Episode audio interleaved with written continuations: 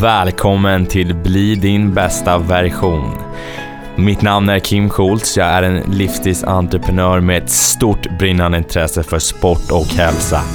Varje vecka kommer jag att ge er inspirerande personer eller meddelande för att låsa upp er inre bästa version. Nu kör vi! Välkommen till ett nytt avsnitt av Bli din bästa version. Och i det här avsnittet har jag med en andra gång Andreas Ögren. Och vårt första, ja men, vårt första avsnitt eller samtal var en av de mest uppskattade avsnitten som, som jag har gjort. Och det var redan i avsnitt 10. Och jag kan eh, bara hålla med. Alltså det är nog en av dem som jag har klickat bäst med ett samtal. Just det flytet i det samtalet eh, är så jäkla bra. Jag är sjukt stolt över det och jag är sjukt stolt över att ha med Andreas en andra gång. Och för ni som inte vet vem Andreas är så kallas han oftast supertränaren. Eh, han jobbar ju med allt ifrån NHL-spelare, alpina atleter, ungdomar, coacher och personliga tränare. Han driver idag bolaget AO Performance där han utbildar tränare och coacher inom träning, näring och manuell behandling. I det här avsnittet pratar vi om vanor och hur mycket de kan påverka dig om du har bra vanor. Eh, att riktig utveckling börjar med att man börjar med sig själv. Andreas berättar om en hemsk händelse som hände i hans barndom. Där han var med om ett övergrepp. Och hur det här har påverkat honom i livet. Andreas har fått reda på att han är en högkänslig person. Han berättar även hur det har påverkat honom, både till det bättre och till det sämre. Och hur han har lärt sig att leva med det idag. Vi pratar såklart om hälsa och att många glömmer det viktigaste som är återhämtning. Det här, jag är så glad kompis Andreas att du delar din story. Det är så ett ärligt och bra avsnitt där du delar egentligen hela din story och vad du har lärt dig i hela ditt, ja, men, hela ditt liv. Hur du har lärt dig att bli en bättre människa av det som har hänt i ditt liv. Och jag är så jäkla glad att du delar den här storyn. Um, ja, jag blir bara så rörd när jag tänker på det. Jag är så glad att du, du äger din story. Uh, utan, utan vidare introduktion, här är Andreas Ögren. Sådär, nu har jag med mig en andra gång Andreas Ögren, vilket jag är riktigt, riktigt, riktigt taggad på. Välkommen igen. Tack så otroligt mycket. Ja, skulle vara tillbaka. Ja, hur, hur är läget med dig? Det är bra. Började morgonen väldigt trevligt med en liten morgonjogg i regnet och mörkret vid mm. halv sju i morse. Tänkte jag måste ju ha måste ju vara skarp i skallen när jag kommer hit till dig. Just det. jag tycker det är en skön, tycker det är en skön vana. Liksom. Så det, var, det var väldigt skönt. Så att nu känns det väldigt inspirerande att vara tillbaka. Mm. Skönt. Mm. Hur eh, brukar du, liksom, är det alltid en sån här morgonjogg som du brukar ta eller hur ser det ut för dig vanligtvis? Ja, alltså absolut. Jag är ju jag är gammal hockeyspelare så jag gillar egentligen inte att springa långt. Om vi ska vara ärliga. Vilket vi ska. Så att, men det intressanta med, jag pratar ju mycket om vanor och skapa goda vanor för förändring över tid. Mm. Och jag har faktiskt, tro till det dig, börjat uppskatta längre löpningar eller jogging. Jogg, jogg. Mm. Fortfarande inte alltså springa långt och fort utan att stanna, utan gärna intervallträning. Mm. Men sen jag flyttade till Hammarby Sjöstad för ett och ett halvt år sedan så, alltså miljön där är helt magisk. Så att springa vid bryggorna, vid vattnet och få den energin därifrån, det, det har gjort någonting med mig mm. på ett väldigt positivt sätt. Så att nu kan jag jogga en bit, eller springa fort en bit och sen kan jag stanna vid vattnet och så ta in energin från vattnet. Kan jag sitta och liksom reflektera ett tag. Och så, så kan jag göra fyra kilometer. Jag har en slinga som är ungefär fyra kilometer. Och Alltså jag börjar tycka om det som fan. så det går tydligen, det är inte bara att jag säger att man kan ändra vanor, man, man kan göra det faktiskt, till och med jag.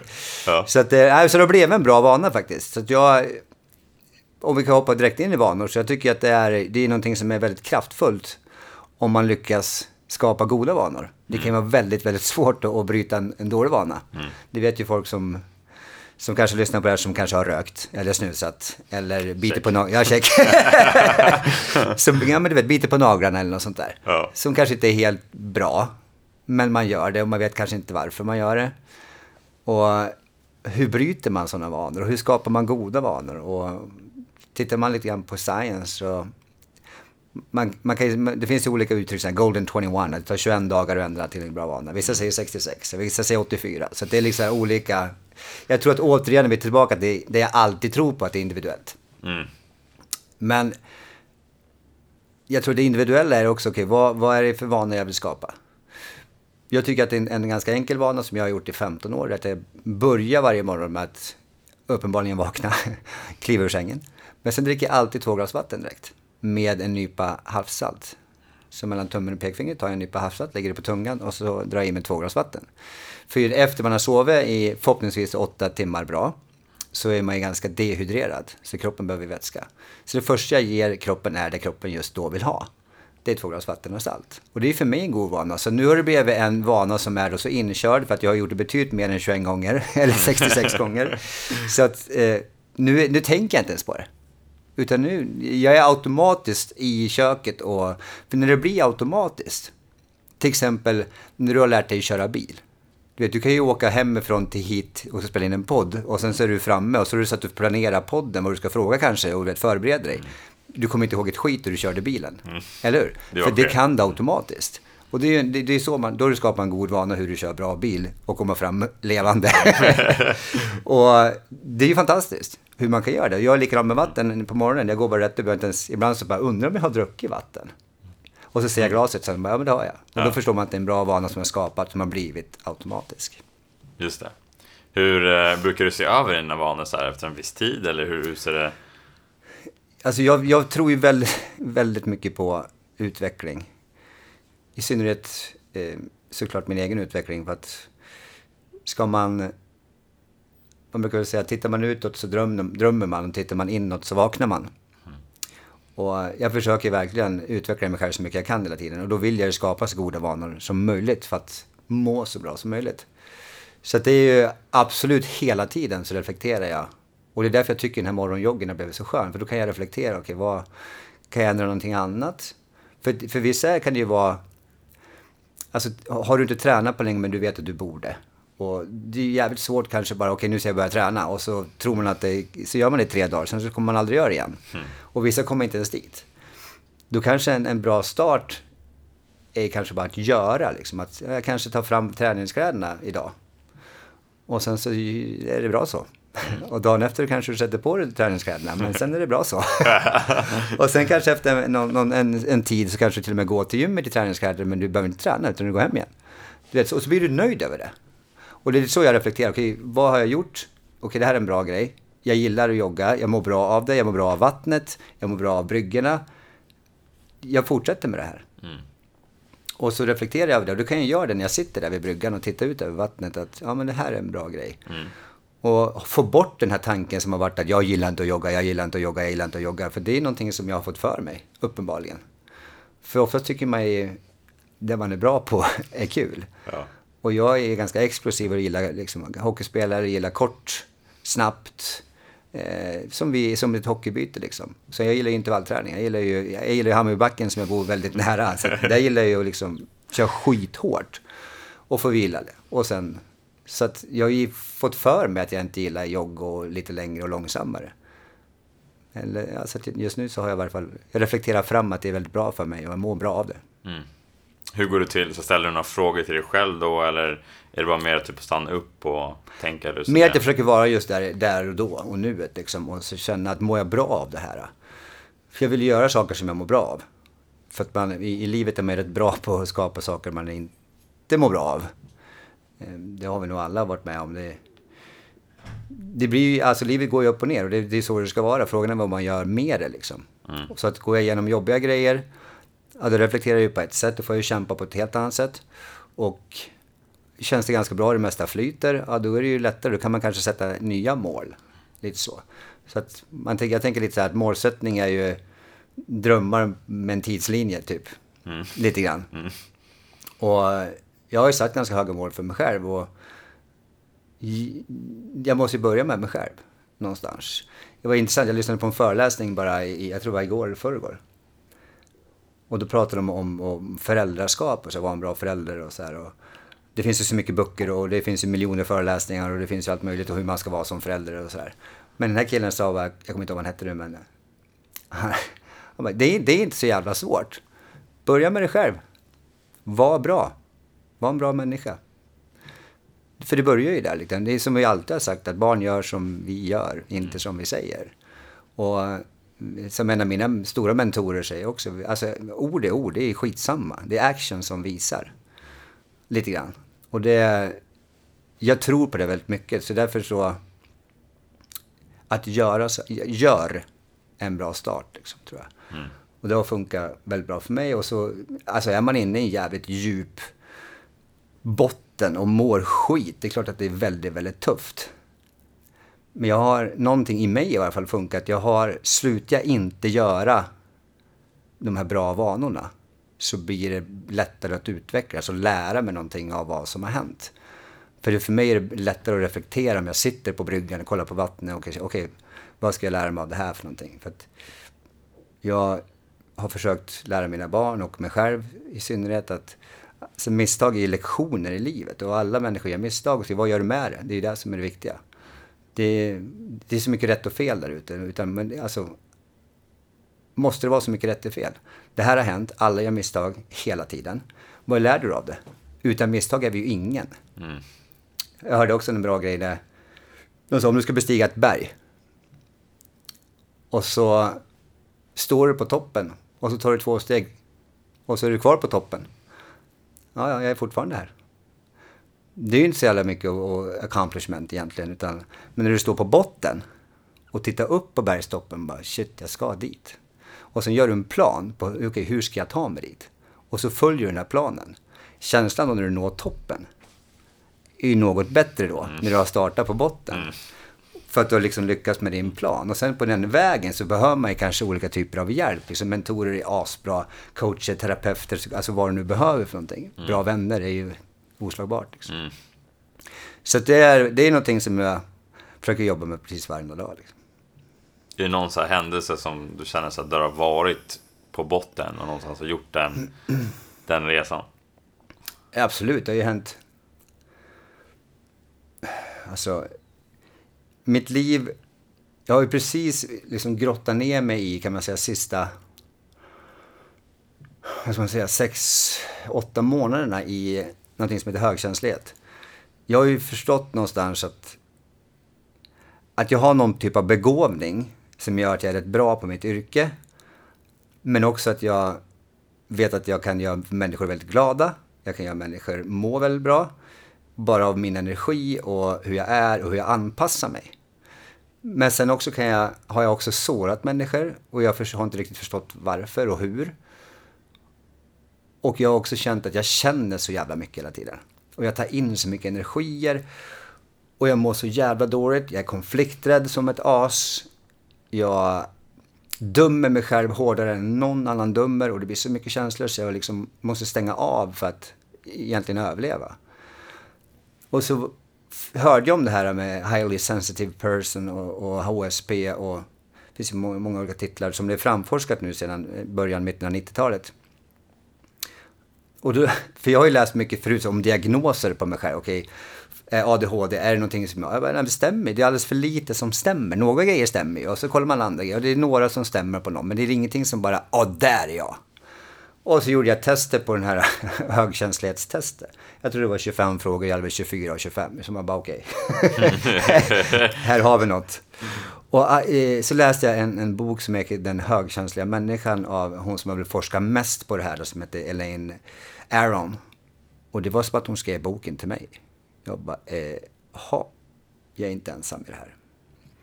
Och eh, för att beskriva det på något sätt så är det väl, vi har ett annat typ av nervsystem eh, som, och en annan typ av, av hjärna. Vi funkar lite annorlunda. Och det är, ingen, det är ingen diagnos utan det är en personlighetstyp. Det är som att vara vänsterhänt eller ha bruna ögon, du vet. Mm. Men jag hade aldrig hört det förut. Och i och med att jag var ganska duktig på hockey när jag var liten så fick jag kanske inte höra så mycket dumma ord om mig, men jag fick höra att jag var så jävla känslig jämt. Vilket var jävligt jobbigt. För jag visste att jag kände så jävla mycket hela tiden. Och jag försökte spela kula, du vet, på rasten när man var liten. Jag kunde inte spela kula för jag tyckte så jävla synd om kulan när jag förlorade. Så att empatin var ju så här över, liksom, mm. alltså det, för mycket, du vet. Mm.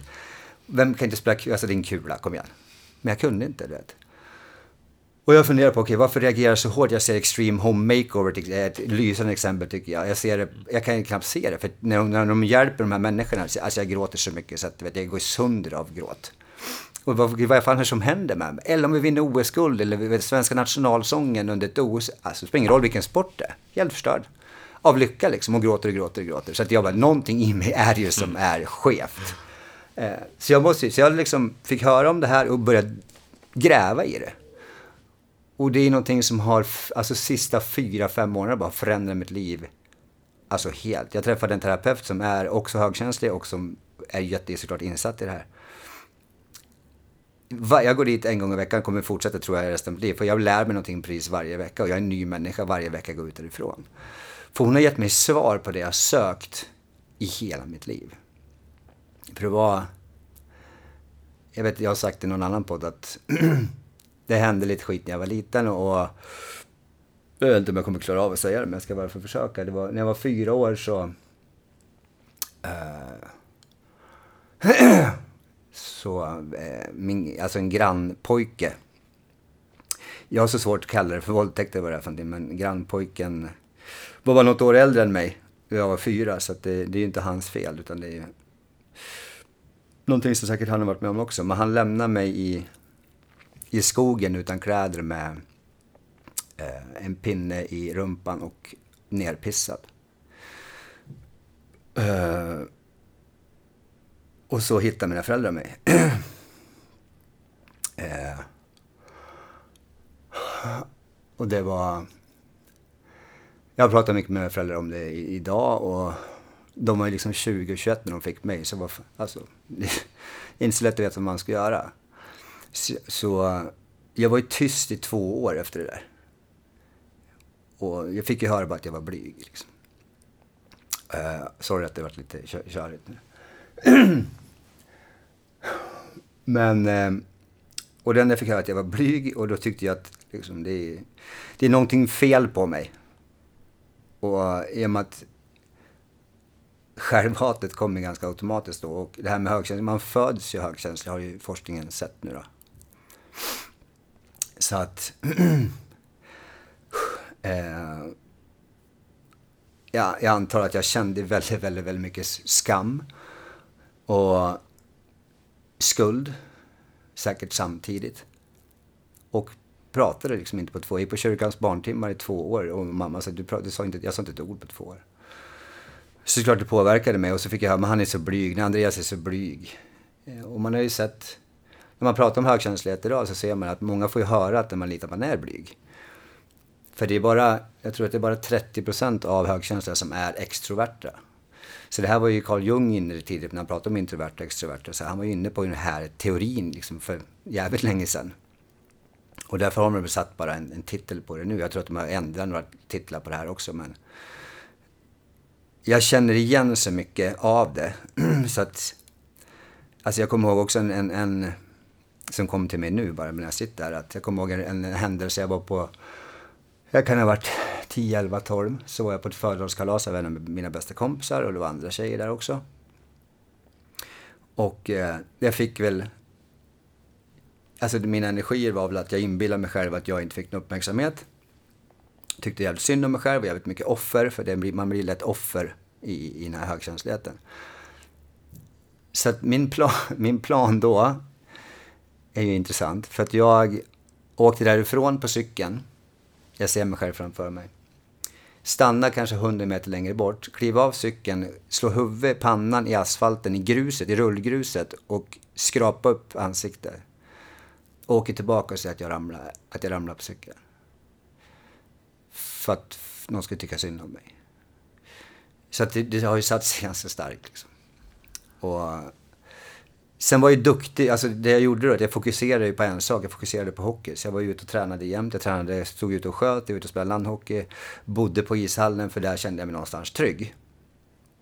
Och eh, Eh, båda mina föräldrar är högkänsliga så de känner ju väldigt mycket kärlek och aldrig något dömande från dem. Så att de har gjort vad de kunde, fast de var ju väldigt unga då också.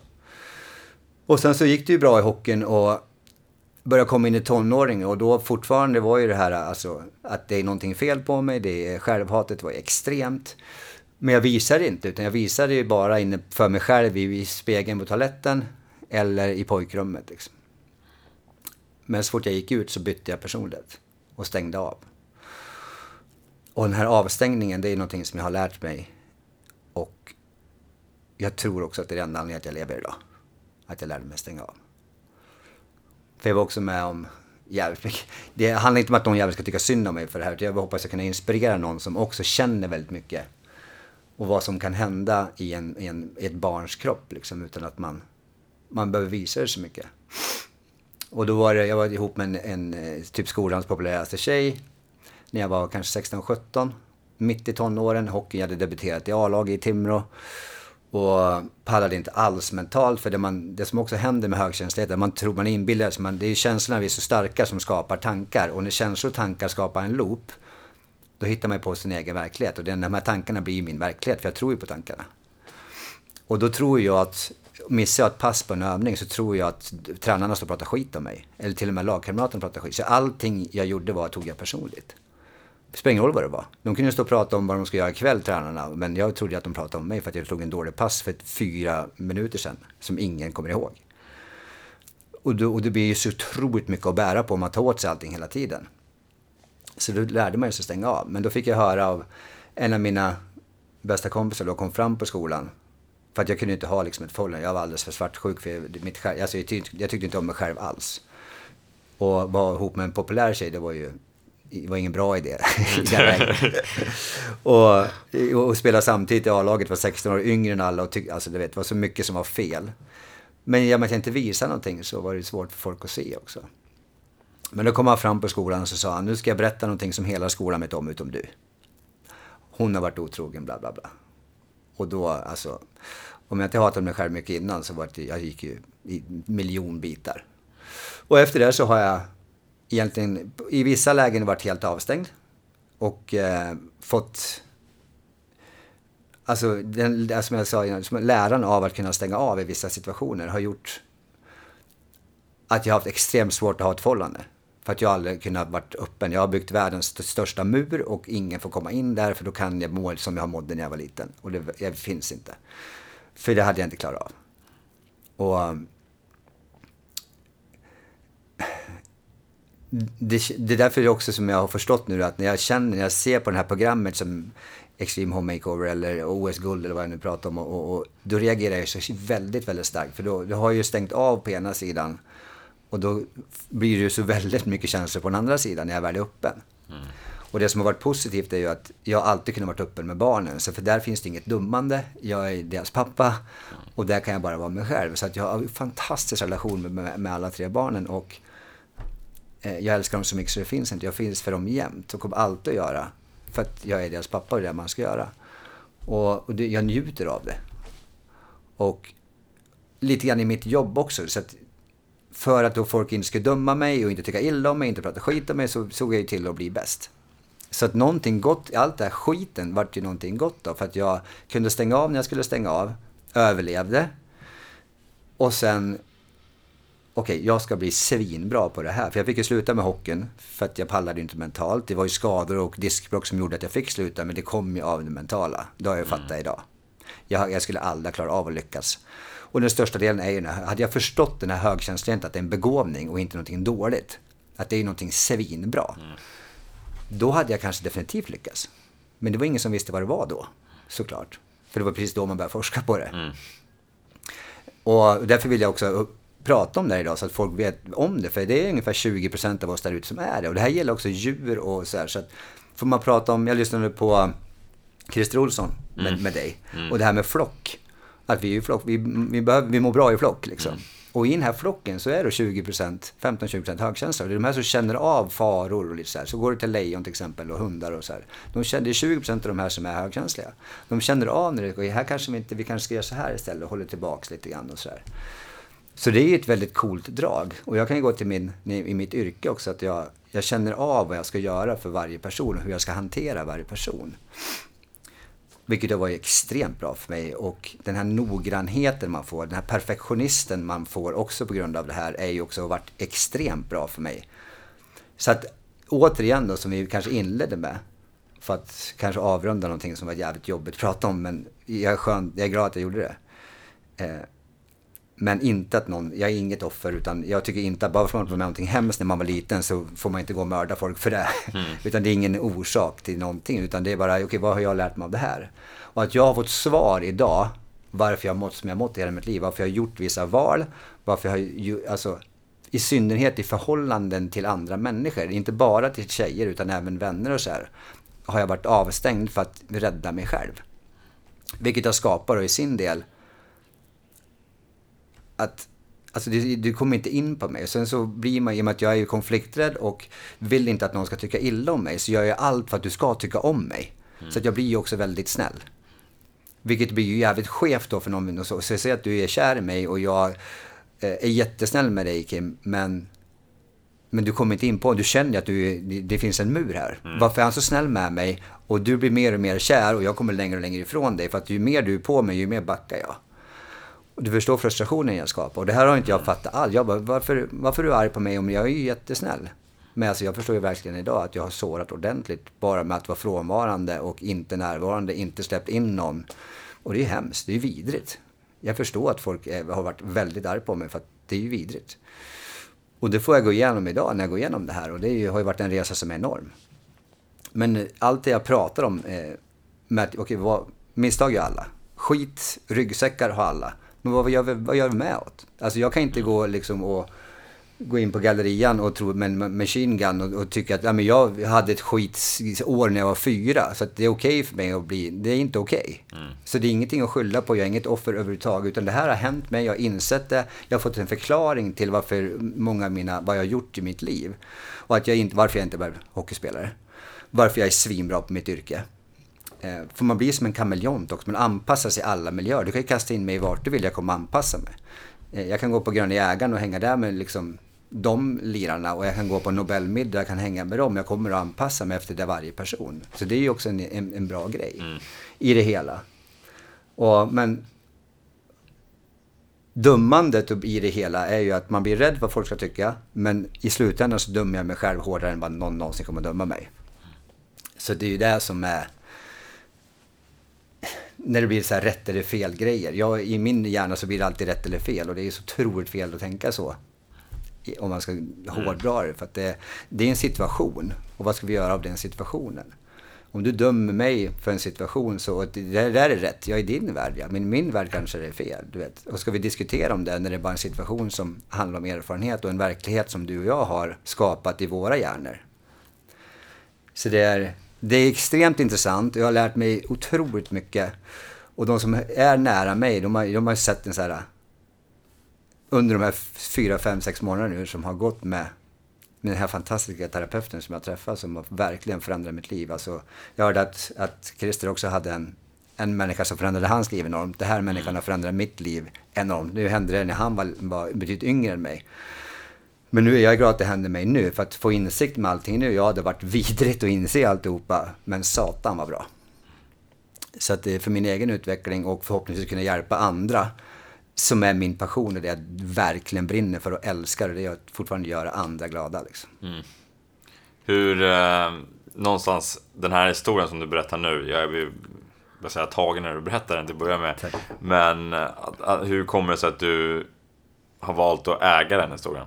Förstår Nu, nu, nu berättar du hela din verkligen livshistoria och mm. vad du gått igenom. Allt från liksom tuffa saker, den här våldtäkten som du pratar om. Det, alltså hur, hur har du valt att äga den historien? Skulle jag? För att jag har ju stängt in allting i hela mitt liv. Mm. Jag har ju vägrat, jag visst, alltså jag kommer ju, det är så mycket delar i mitt liv jag inte ens kommer ihåg. För att jag är så jävla avstängd. Och jag vill inte leva ett avstängt liv. Jag, alltså när, om man känner mig och hänger med mig och, och jag är ganska väldigt glad människa. Eh, alltså jag härjar ju med de flesta. Du kan gå in på min Coop i Hammarby Sjöstad och fråga personalen där om, är det någon dålig short som kom in här och härjar med mig? Så kommer, så kommer de att svara att ja, du vet Andreas. Eh, så det, det, jag älskar ju sånt och jag tycker det är kul och jag hjälper folk. Det, det, det är det som är så, alltså med den här högkänsligheten också. Om jag, jag, kan, jag, jag kan inte bråka med någon. Vet. Om jag skulle skälla på dig, då får jag dåligt samvete. Och så säger jag, du vet, jag tycker synd om dig som jag bråkar med. Det blir jävligt fel liksom. Mm. Och som jag i någon gång kanske i mitt liv så här, har någon som försöker då, genom att jag inte blir arg, så triggar mig, triggar mig, triggar mig, triggar mig, triggar mig. Till slut kanske jag skickar ett argt sms, bara det jävla idiot, eller du vet sådär. Alltså då mår jag så dåligt efteråt, så då måste jag skicka hundra förlåt. Så jag är kass så. Verkligen liksom. Det, det, går inte i mig. Och det är någonting, så det är, för, ilska och så, det är också en känsla som jag inte kan... För ilska och rädsla är väldigt nära liksom. Och jag är så rädd.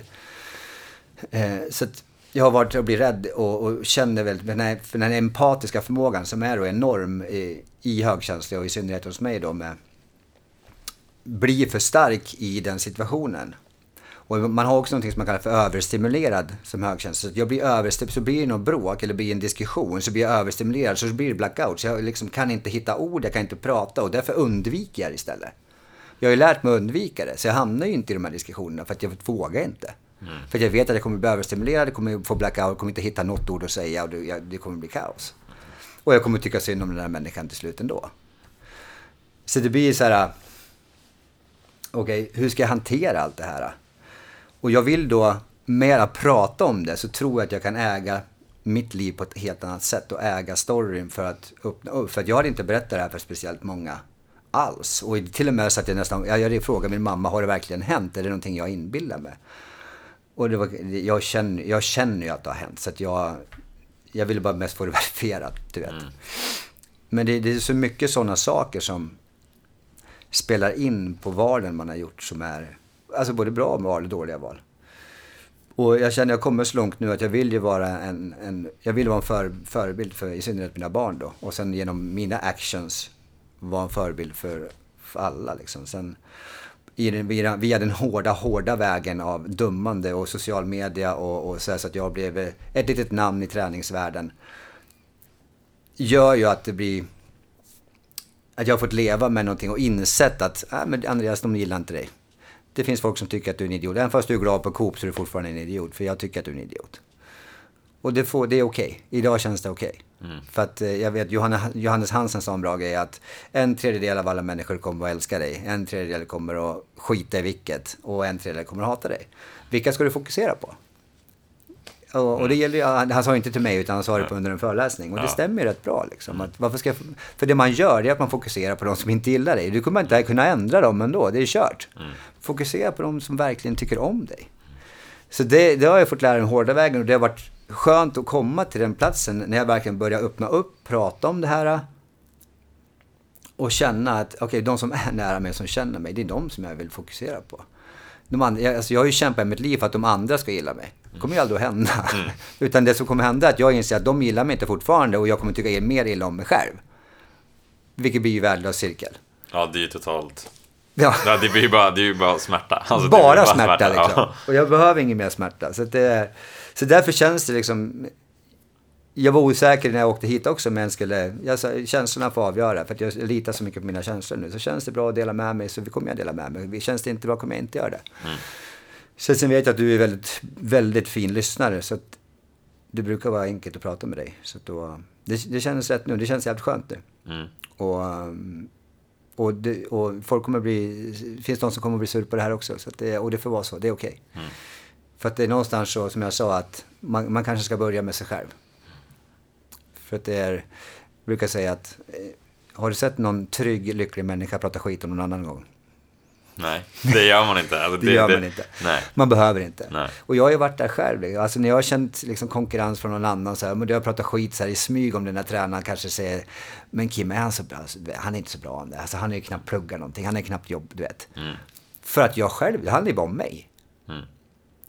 För jag hörde på en sån här podd om högkänslighet som var, jag tyckte det var briljant sagt för det var så här, och jävligt intressant. Det är så här, tänk om inget är personligt. Om jag säger till dig, Kim jag älskar dig. Men det betyder inte att jag älskar dig egentligen. Det betyder att jag älskar hur du får mig att känna i ditt sällskap. Så det handlar om mig.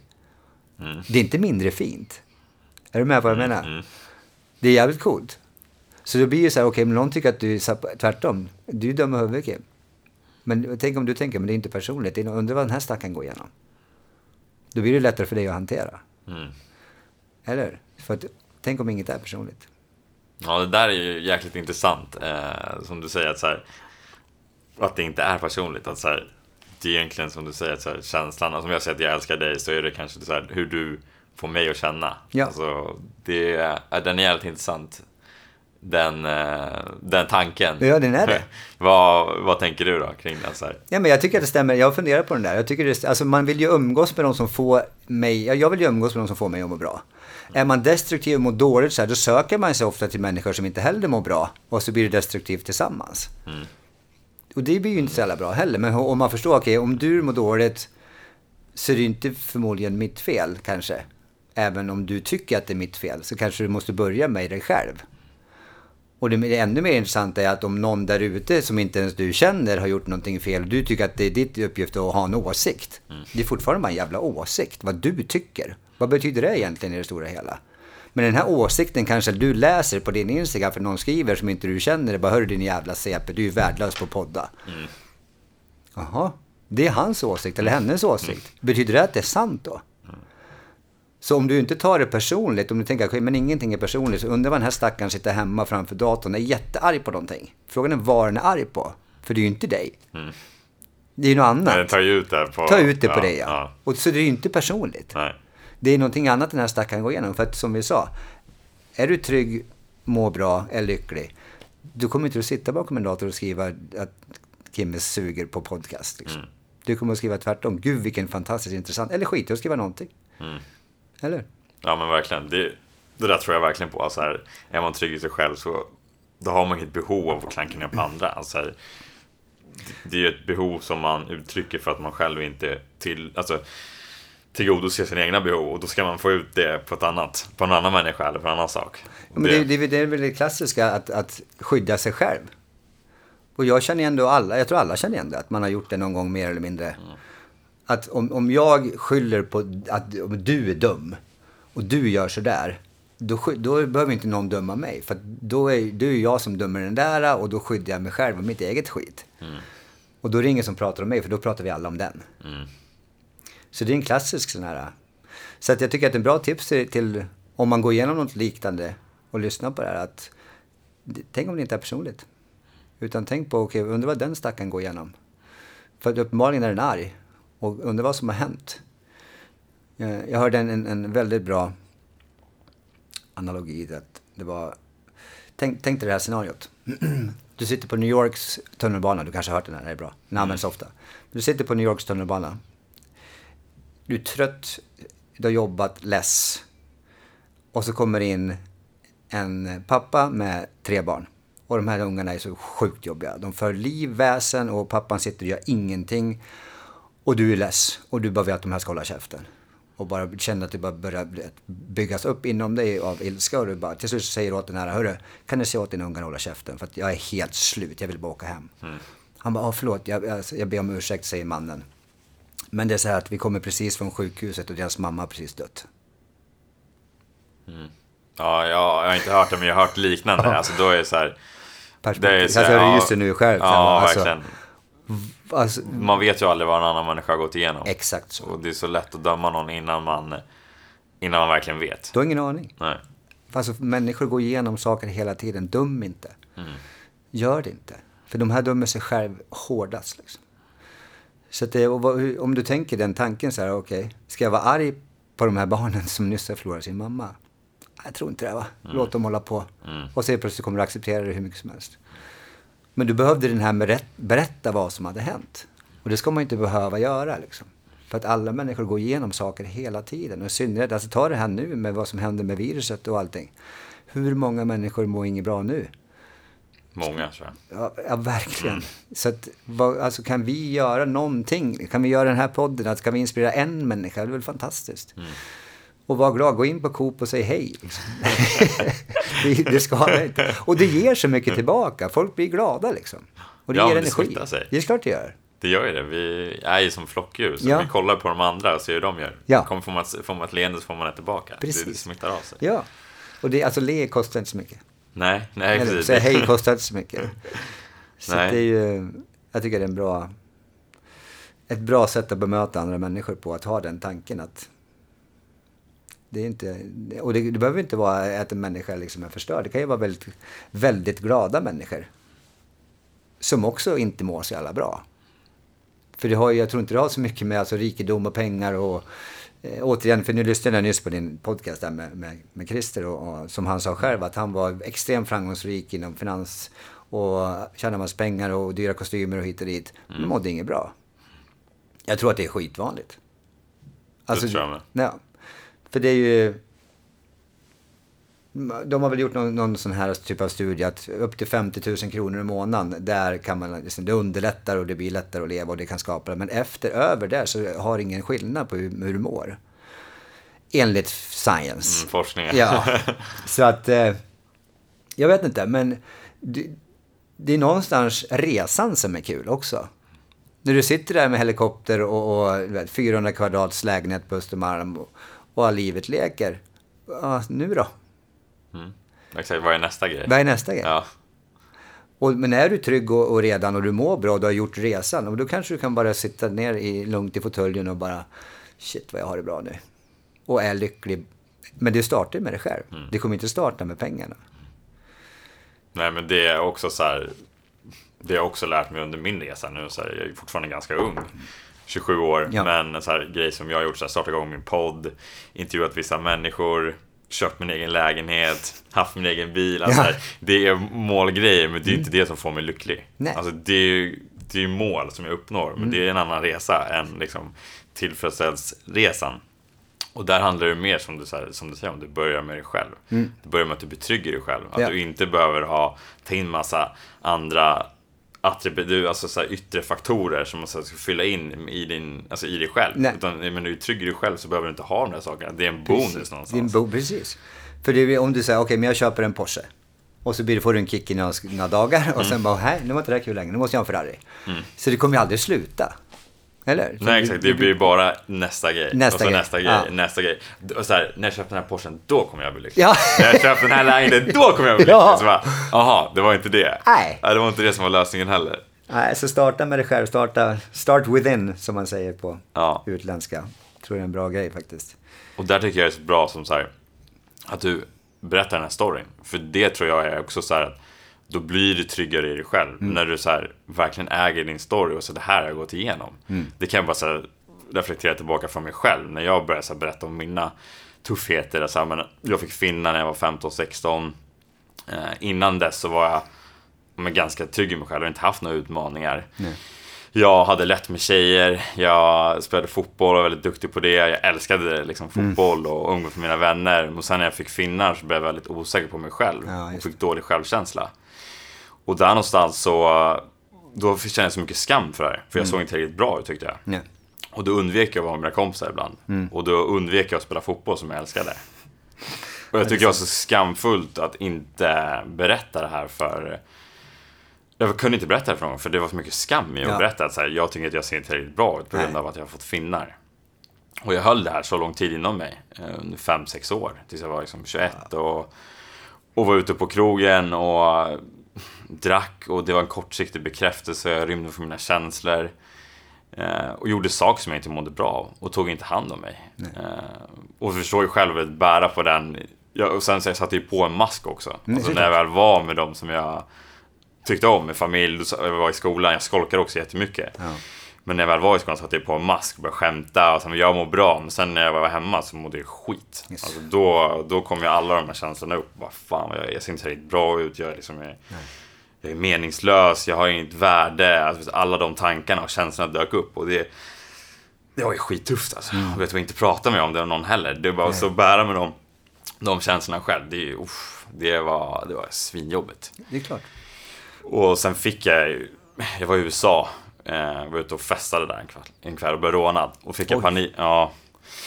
Så fick jag panik, efter det fick jag en panikångestattack. Och då började jag här bara, shit vad, vad gör jag med mitt liv liksom? Vad, vad håller jag på med? Och festar själv och så här, Wow. det här är någonting som är riktigt fel. Ja. Eh, och där börjar det liksom, jag tror att när man får någon sån upplevelse så tror jag så här, det var i alla fall för mig en nära döden upplevelse, jag trodde Mm. jag skulle så här, dö. Alltså, jag Ja. så här, få en hjärtattack och kunde inte kontrollera min kropp. Då, då sa jag, jag måste förändra någonting, det är någonting. Då började jag fundera, ställa mig själv frågor. Och sen åkte jag på en resa till Australien, eh, hälsade på en av mina barndomskompisar. Han började på med yoga, meditation. Jag var såhär, vad fan är det här? Liksom, vad, är det? vad är min polare? Ja, det här? Vad, är- vad är det här? Och så började testa på det. Han bara, testa på det här. Så, det finns någonting i det här. Det finns det, okej? Det är någonting bra. Man börjar med att titta inåt, man börjar reflektera. Och sen öppnar han upp sig om en sån här tuff sak. Wow, Och då vågade jag öppna upp mig. exakt. Och där släpptes allting. Alltså där släpptes den här tunga jävla stenen. Och sen kom jag tillbaka som en förändrad... Där började den inre resan. Och där tog jag tag i de grejerna som jag behövde ta tag i. Och utbildade mig som coach, startade igång den här podcasten, Ja. ville inspirera andra. Eh, hade gjort den här resan själv då. Eh, så det, Alltså, det börjar med själv verkligen. Ja, alltså tack, tack för att du delar. Ja, Alltså enormt inspirerande. Jag var ju också wow. Alltså återigen, alla har varit med om skit. Mm. Tänk på det när man möter andra människor, nya människor. Alltså, man kan inte tro ibland att bara för att, okej vi... Alltså är man framgångsrik på någon typ av sätt, om man nu kan mäta framgång på något sätt, jag vet inte. Men man kanske anser att vi är hyfsat framgångsrika i vad vi gör. Och, men vi hade inte, varken du eller jag hade varit här om inte vi fått en käftsmäll, eller två eller tre. Det är där som har byggt oss liksom. Och det är... Kolla Michael Jordans, hans citat när han säger hur, många, hur mycket han har misslyckats och det är därför han har lyckats till slut. Det är misslyckande, det är där vi växer, det är där det finns alltid någonting. Som, bara man, bara man ser det. Men i allt, det spelar, jag tror inte det spelar någon roll hur illa som händer. Alltså, det, alltså jag vet inte hur illa det kan bli, men kanske vet, förlora, förlora nära och sådär. Det kommer finnas någonting bra i allt. Bara man vågar se det. Och öppna den dörren, gå igenom den och göra någonting av det. Då växer man, precis som du gjorde. Och jag tycker att den är ganska kul för att jag antar att du har läst Munken som sålde sin Ferrari. Jag har faktiskt inte läst Har du inte Nej, det? Jag har, ja, Det är ju det du berättar, det är samma story nästan. Jag tycker att alla ska läsa den. Ja, jag, jag har plan på, det, på att läsa den. Ja, jag har det. hört så jäkla mycket bra om den. Ja, den är fantastisk. Ja. Och Robin Sharma, man ska nog läsa, eh, alltså lyssna på, han säger mycket bra saker. Sen passar det liksom inte alla, men han säger väldigt, väldigt mycket bra saker. I synnerhet om sådana här grejer som vi pratar om. För alla går igenom motgångar och vad kan man göra med det? Och hur kan man förändra motgångar till något bra? Jag försöker inspirera mina barn och har alltid sagt att de jag tränar att okay, vad, det finns inga misstag egentligen. Det finns bara lektioner. Att, att ibland är smärta vår, vår bästa liksom, medicin egentligen. För att, okej, men vad... Om du aldrig slår ett felpass, liksom. Hur ska du kunna utvecklas? Om du aldrig, alltså, om du aldrig gör fel, liksom. Du kommer ju hålla igen. Du kommer hålla dig i en trygghetszon som är noll utveckling. Det blir ju så. Istället för att säga, våga, okej, jag misslyckas, okej, vad lärde jag mig av det här då? Okej, bra, det här lärde jag mig, bra, nu kör jag vidare, okej, fan, sen, nu gick det åt helvete igen. Vad lärde jag mig av det här då? Och så fortsätter väx, väx, väx. Och jag tycker, är man inom idrottsvärlden, kolla vad Michael Jordan sa med sina, hur många skott han hade missat, hur många avgörande poäng han hade missat och... Men det är ingen jävel som kommer ihåg det. Han hade en hyfsad karriär liksom. Ja, ja, exakt. Eller hur? Ja, ja, exakt. Och, men han säger själv, säger ju likadant. Då kollar man på många av de här dokumentärerna från extremt framgångsrika idrottsmän och ja, inom alla branscher. Så har de ju gått igenom vidrigheter för att komma dit de kommer. Det är ju inga hemligheter att det krävs. Sen, det är bara frågan om vad lär du av det och vad gör du med det. Mm, Fortsätter du bara gräva ner det, gräva ner och då kan det ju sluta väldigt illa. Men tar man hjälp och försöker omge sig med bra människor och var någon intelligent människa, människa som sa att du blir genomsnittet av de fem närmsta du umgås med. Jag vet inte om det stämmer, men det låter ju rätt rimligt liksom. Um, umgås med fem idioter så det, det är inte så troligt att du blir mega framgångsrik. Nej, alltså man kopierar ju, du, säga, du säger ju Ja. samma ord till och med som Till de umgås med. Ja. Och du kopierar deras mönster som de rör sig och så här, det, det, det finns ju forskning på det. Och jag tycker att det, det stämmer ju. Ja. Alltså så här, till stort sett, jag kan kolla på mitt eget liv, så här, de jag umgås med, man, man blir ju likadan någonstans. Man, får, man pratar om samma saker, man får samma tankar som de har, alltså så här, lite automatiskt. Och det var ju en överlevnadsinstinkt också. Såklart, och jag tycker att det är bra att, att jag, jag, jag umgås ju också med många som är jävligt mycket bättre än mig. På områden som jag vill bli bättre. Och jag har ju en, en jätte, alltså min livsmentor som är fantastisk, en av de smartaste människorna jag någonsin har träffat. Och rakaste och ärligaste och helt magisk. Som är också väldigt rak med mig och hård med mig. Och, och tack vare honom så har jag också gjort en enorm resa. För han, är, han sätter mig på plats ordentligt. Vilket är magiskt. Och han säger också så här, alltså egentligen är det inte så jävla svårt. Vad står det i Bibeln? Att behandla alla andra som du vill bli behandlad själv. Mm. Det är ju inte helt svårt liksom. Nej, det, Ja, men är, eller fan, det är det som var länge sedan. Det var uppfanns för hur länge sedan som helst. Ja. Tusen år sedan typ. Man bara, okej, vi fattade det då, vi borde kunna fatta det nu. Men det gör vi Ja. inte. Och nej, också så han, och när jag känner att han så här, för det var en grej som hände var det förra, förra, förra veckan, så pratade vi om, eller hände, alltså vi var och tränade på gymmet och sen så, så pratade vi om skuld och skam. För det är ganska intressant att dela på de här två så man får koll på vad det är för någonting. Och sen så gick jag till min terapeut och pratade om skam och skuld. Sen kom jag tillbaka till han och pratade om det igen. Och sen så var vi och käkade middag så sa, så sa han till, till hela stället, han bara När man verkligen vill utvecklas, Andreas jag blir så jävla imponerad av dig. För att vissa, man, man, man säger saker sen så kanske man tar bort lite grann och så bara, ja men det var ju bra sagt. Och så, så lyssnar man på det och så går man vidare. Men bara, det är rätt coolt att i din process som du jobbar med hela tiden, så du, du lyssnar och så tar du in det och så reflekterar du. Till och med tar det till din terapeut och analyserar det. Kommer tillbaka till mig och så reflekterar vi igen. Han var så jävla impad av det. Och jag tyckte inte att det, för mig tyckte jag att det var självklart. Liksom. Men han tyckte det var asstort. Och då var jag så otroligt stolt över mig själv och mitt jobb. Så då kände jag, fan det där var ju bra. det där var ju... så då var det, för mig var det en automatisk grej, för att jag, det är så jag utvecklas. Lite grann. Och, då, och jag tycker att, att ha sådana bra mentorer som, han vill ju lyfta upp mig, men ibland måste han trampa sönder mig för att jag ska lyftas upp.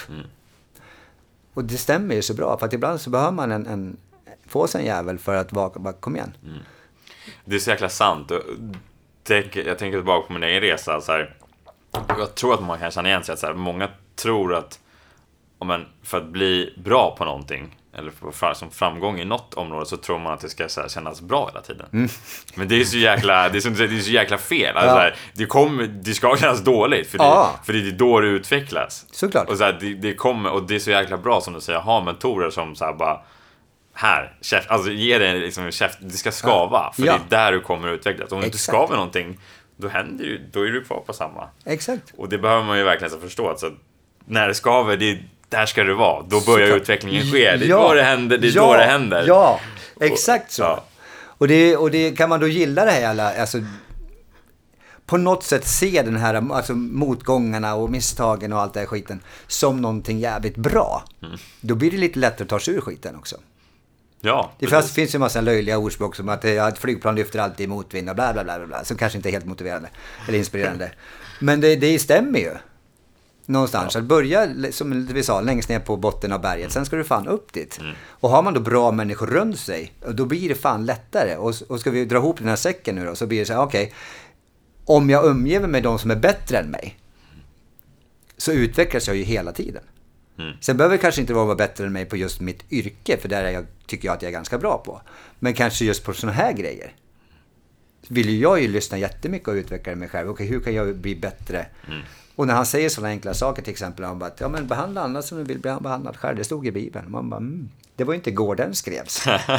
det är ju liksom inte så jävla mycket svårare än så. Alltså, var snäll. Eller hur? Det är ganska simpelt, alltså när man tänker på det. Det, Ja. det är sunt förnuft, kommer man jävligt eh, långt på. Mm, Alltså. men då måste vi också, då är det tillbaka till det dummandet igen då. Och vara rädd för vad andra tycker och... Alltså det, det finns ju bra och dåligt med social media liksom, men det, det här dummandet var... Alltså vet, när jag må- mådde som sämst så vågade inte lägga ut... Alltså jag frågar ju liksom tre fem pers, vad, är det här bra? Kan jag skriva så här? Är det så här skrivet? Är det, rätt stavat? Är det bra? Alltså du vet. Innan jag ens, jag litar inte ens på mig själv. Vilket är ju så här, jag bryr mig bara om vad andra ska tycka om det här inlägget. Tycker jag om det? Ja men det gör jag ju uppenbarligen för jag har ju skrivit det. Ja men ut med det då. Mm. Eller hur? Ja. Sen kommer andra ha en åsikt om det. Men tänk om inget är personligt. Mm, tillbaka. Ja.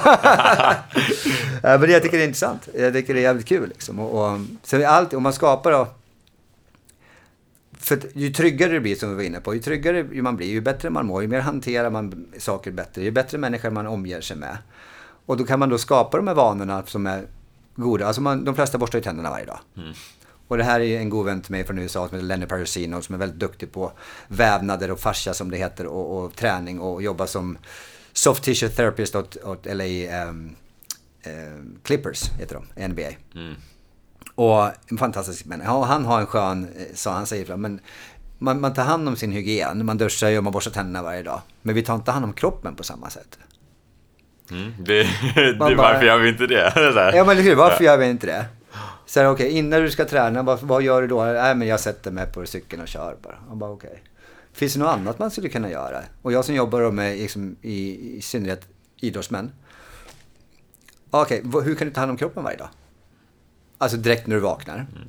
Innan träning, efter träning, innan du går och Alltså vad kan du göra för att ta hand om dina vävnader i kroppen för att må bättre? Med sömn, med näring, med träning, med rätt rörelser och bla bla bla. Det finns ju hur mycket som helst att göra. Mm. Och då skapar vi då vanor så att du bara, man gör automatiskt. Till slut. Så du behöver inte tänka, du skapar ju som mina två glas vatten på morgonen. Som han tycker att om, om du borstar tänderna två gånger per dag så kan du ta hand om dina Alltså rulla en tennisboll medan du borstar tänderna under fötterna för att skapa lite flöde under fötterna. I och med att vi ska gå på dem hela dagen förhoppningsvis. Mm. kan vara en bra vana. Kan vara bra, kan vara bra, kan vara bra vana. Kan, testa. ja, men jag tycker att det är en bra, bra tänk. Alltså, att ta hand om, alltså vi har bara en kropp. Mm. Ta hand om den. Så jag frågade faktiskt nu på, på Coop, också min, min, min där som jag går och handlar och härjar med dem. Frågade han i skärken där, för de hade fått en jävligt, väldigt fin lax. Och då frågar jag bara för mitt nördiga intresse av allt. Hur många köper den här ekologiska fina laxen och hur många köper den här vanliga laxen? Och jag förstår att alla inte har liksom, ekonomi att köpa jättedyr lax varenda, gång man handlar. Men nu är det så att det skiljer inte så jävla mycket i pris. Utan kanske, jag tror det var 40 kronor kilot. Mm. Du vet, det blir inte så mycket per så mycket. 200 grams mm. bit liksom. Det kan någon som är duktig på matte räkna ut där ute. Mm. Men, så, nej, men jag tar en andra laxen för då sparar jag in då kanske då 17 spänn. Och sen så smyger du förbi chokladhyllan och tar en, en jag älskar ju plopp. Så ja, då tar man en plopp istället för 15,90 liksom. Okej. Okay. Återigen, nu är vi tillbaka. Okay, vad, ge kroppen bra grejer. Vi har bara en kropp. Ploppen kommer bara kanske vara mindre bra. Ekologisk lax kommer vara jävligt mycket bättre än den andra laxen. Mm. Mycket godare framförallt också. Och det kan ju vara ett bra val. Jag väljer bort om jag har en vana att gå förbi godishyllan och alltid ta en choklad. Så är det kanske en mindre bra vana. Mm. Jag själv köper en plopp när jag vill fira någonting. Det är min fira-grej. När jag ska fira små saker då köper jag en plopp. Mm. Vilket kanske är sjukt i sig. Men det är min grej liksom. Då köper jag en plopp och så äter jag den så njuter jag av den och tycker det är asgott. Och vad vill jag säga? Alltså välj bra grejer för kroppen. Försök välja näring som är bra. För det är inte lika mycket näring i maten idag som det var kanske för 40-50 år sedan. Välj bra saker. Ge din kropp det den förtjänar. För att om vi mår bra, om vi sover bra, så kommer ju skallen må jävligt mycket bättre också. Mm. För det, jag tycker alla ska läsa eh, vad heter den, Hjärnstark eller vad inte? Eh, Anders, ja, Anders Hansen. Anders Hansens mm. bok. Den ska också alla läsa. Den är också fantastisk. Vad som händer med rörelse och hjärnan liksom. Det är mm. bara... Det är så framforskat så att det är svårt att säga emot. Det går inte att säga emot längre, mm. utan rör på oss. Och likadant där, det kanske är som jag sa i början, att det kanske är, det räcker med att du börjar med att lägga fram träningskläderna eller sätta på dig dem hemma och sen skita i det. Sen kanske du råkar gå en kvart. Mm. Men rör på oss liksom. Så att får vi in näringen, får vi in sömnen, får vi in rörelser, då skapar vi förutsättningar för att orka med motgångar och orka med eh, och utvecklas hela tiden. För att om vi, har vi äter vi skit, vi sover dåligt och så kommer det en smäll det kommer inte vara speciellt lätt då att ta sig upp. Liksom. Mm. Så att jag, det är väl någonting som jag också alltid försökt gjort, att alltid fortsätta träna, fortsätta äta bra, fortsätta göra bra grejer. För att det hjälper mig att komma upp igen. Mm. När man, man får sådana här käftsmällarna liksom. Så det också kan jag verkligen, för, även det, det är jobbigt, ibland vill man inte träna och jag vet att jag skriver mycket på min story på min Instagram att idag, jag brukar vara ärlig där också och säga att idag kändes det skit. Jag ville inte, hjärnan ville inte, ingenting i min kropp ville. Men så kanske jag gör 20 minuter av mina favoritövningar. Bara. Mm. Eller bara gå ut och gå vid vattnet. Och så kommer jag hem och så asnöjd. Och då kanske jag kan till och med köpa en plopp så bara, oh nu ska jag fira att jag fan, jag gick och körde fast jag inte ville. det, det är en bra grej. Liksom. För du, alltså action igen. Liksom. Istället för att sitta hemma och tycka synd om sig själv. För det hjälper ingen. Nej, men jag tror ju som du säger, så här, att ta hand om oss själva börjar ju verkligen... Det är en jäkligt bra början för när det kommer motgångar. För då kommer vi, som du säger, vara mer rustade för det. Mm. För då har vi bättre tankar, vi, vi tar hand om oss bättre själva. Som du säger, alla de här sakerna, sova, äta ekologiskt, få in rörelse. Alltså sådana typer av grejer är ju jätteviktiga. Och då mår man ju bättre, har mer energi och kommer att klara livet. ja. det, det, det, är liksom, det, det är jävligt... Eh, det är logiskt. Det går inte, det går inte att förklara bort. Liksom. Det är bara... Gör det bara. Börja med action. Alltså, gör bara. Mm. Det, är, det, är, det bästa tipset. Att, och jag vet att har man en dålig vana så är det jävligt svårt att bryta en dålig vana och skapa en bra vana. Så jag, jag tycker inte man ska bara försöka sluta med en dålig vana. För det funkar ju aldrig. Eller typ väldigt sällan i varje fall. Mm. Om man ska sluta snusa. Det finns ju några som klarar av det liksom, till mm. exempel. Men sen så klarar man en stund och sen så... Men skapa en annan vana istället. Mm. Istället för att sluta abrupt med den här dåliga vanan. Mm. Skapa en bra vana istället som du börjar med. Mm. Som kanske påverkar den här dåliga vanan du inte vill hålla på med den längre. Det kan ju vara en bra grej. Mm. Vad, vad, vad ska jag kunna hitta på här då? Till exempel. Säg att du vill ha... Eh, du, du vill fika varje kväll klockan 21.30. Till exempel. Vad är det som gör att du vill fika varje kväll 21.30? För det är någonting som kickar in 21.30 hos dig. Vad är det då? Mm. Är det sockersuget? Eller ett belöningssystem. Alltså vad är det för någonting som du gör att du vill ha den här kakan 21.30? Mm. Och vad är det för reward av det? Vad är det du får ut? Vad, är, vad vinner du av att ta den kakan? Liksom? Mm. Och, och, man kan analysera lite grann det. För man har sett nu i studier att eh, om, vi ska, om vi tar tillbaka till, det är också en bra grej. Eh, de som biter på naglarna är ofta väldigt korta, korta, korta, korta. Så det gör tydligen ont när man biter när det är nere vid nagelbandet. Mm. Och det är tydligen den, för ofta så är när man biter på naglarna så är det man är uttråkad och det är ångest som är de största triggerserna för att bita på naglarna enligt science. så att, och då när, när de tydligen när man biter på naglarna så skapas en, en liten så smärt i hela kroppen. Och det är den som är rewarden i det. Mm. Så frågan är ju varför man gör det. Så det är någonting annat som skapar triggern. Och då såg man då om de gör någonting annat. Så varje gång du känner att du sitter och biter på naglarna så ska du klia dig själv på armen. Jaha, som ett mot... Uh, ja, okay, och sen så skriver du upp i... i först så, så, så, kan du också skriva upp, var, varje gång du kommer på att du biter på naglarna, skriv upp det någonstans. Bara mm. ett streck, okej okay, nu biter jag. Och varje gång du kommer på att du kliar på armen så ger du dig själv beröm. Så att du har en reward, så här, fan vad bra jag var. Mm. Det var över 95% som slutade bita på naglarna bara av att ge sig själv beröm och skriva upp man gjorde en annan grej. Och det var bara att klia sig själv på armen. Så det är ganska kraftfullt att göra. Ja. Och det var den goda, för det är ganska skönt att klia på armen. Ja. Så det är en god vana att starta med som tar bort den dåliga vanan. Ja. Så vad kan man hitta för god vana som tar bort då den här kakan 21.30 mm. varje kväll? Det. Ja, det kanske är att, okej okay, jag ska gå och köpa ett, ett väldigt nyttigt te till exempel som är bara bra grejer i. Som jag dricker varje kväll en te som innehåller så lugnande grejer bara. Och det är kanske är en sån grej. Så börja dricka det här teet som är väldigt, jag vet är väldigt bra för min hälsa och kommer få mig lite tröttare så att jag sover bättre. Då kanske det gör så här, om jag dricker det här bra teet, det vill jag inte ha den här onyttiga kakan. Mm. Då kanske den här goda vanan att börja dricka te tar bort kakan automatiskt. Istället för att bara bestämma att jag inte ska ha kakan och skita i. Och jag ingen, man sitter där och bara håller sig framför tvn och bara, vad fan är kakan, vad fan är kakan, jag vill ha kakan. Du vet, det blir bara jobbigt. Ja. Och till slut kommer du äta kakan igen. Det kommer ta några dagar. Ja. Men att börja med en bra vana med teet, då kanske kakan lättare försvinner. Mm.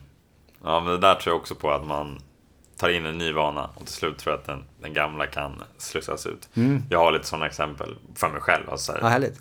Skulle sluta röka, eh, då började jag träna. Mer för att jag kände att så här, min kondition var ju så pass dålig. Jag spelade fotboll och så började jag röka. Så bara, fan min kondition, jag slutar springa något. Det går ju inte. Sen jag spelar fotboll, men jag hänger ju inte med. Nej. Så då var det så här, jag, måste, jag vill ut springa för jag vill hänga med på matcherna. Såklart. Liksom, så här, bara, kom igen, det här går inte. Så då slutade jag. Smart. Då blev det en, en bra vana. Och ja. slutade med den gamla. Ja. Så det... Jättebra och det, jag, tror, jag tror på det jättestarkt. Jag tror att det där är jättebra sätt att skapa. För jag tror har man grundpelarna att man får i sig bra näring, man rör på sig och man sover bra.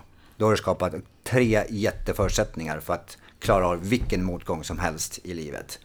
Och komma över starkare och gladare och en bättre människa. Så på så sätt du kan inspirera andra och ta hand om andra. Och jag tror att du också blir bättre på Alltså är du lugnare så det blir bättre att lyssna. Jag har känt jättestor skillnad i mig själv bara att lyssna på andra nu. För om man inte är avstängd längre så mycket så helt plötsligt så lyssnar jag på människor. Jag har fått bett om ursäkt till mina bästa vänner. Jag bara, alltså förlåt att jag har varit så dålig att lyssna. För att om man först förstår den andra innan du vill bli förstådd. Liksom. Förstå först. Om jag vill mm. förstå dig. Så kommer du öppna upp och släppa på vad han förstår mig. Han vill förstå mig. Mm. Det kommer bli en betydligt bättre konversation än om jag bara ska prata om mig själv. Mm.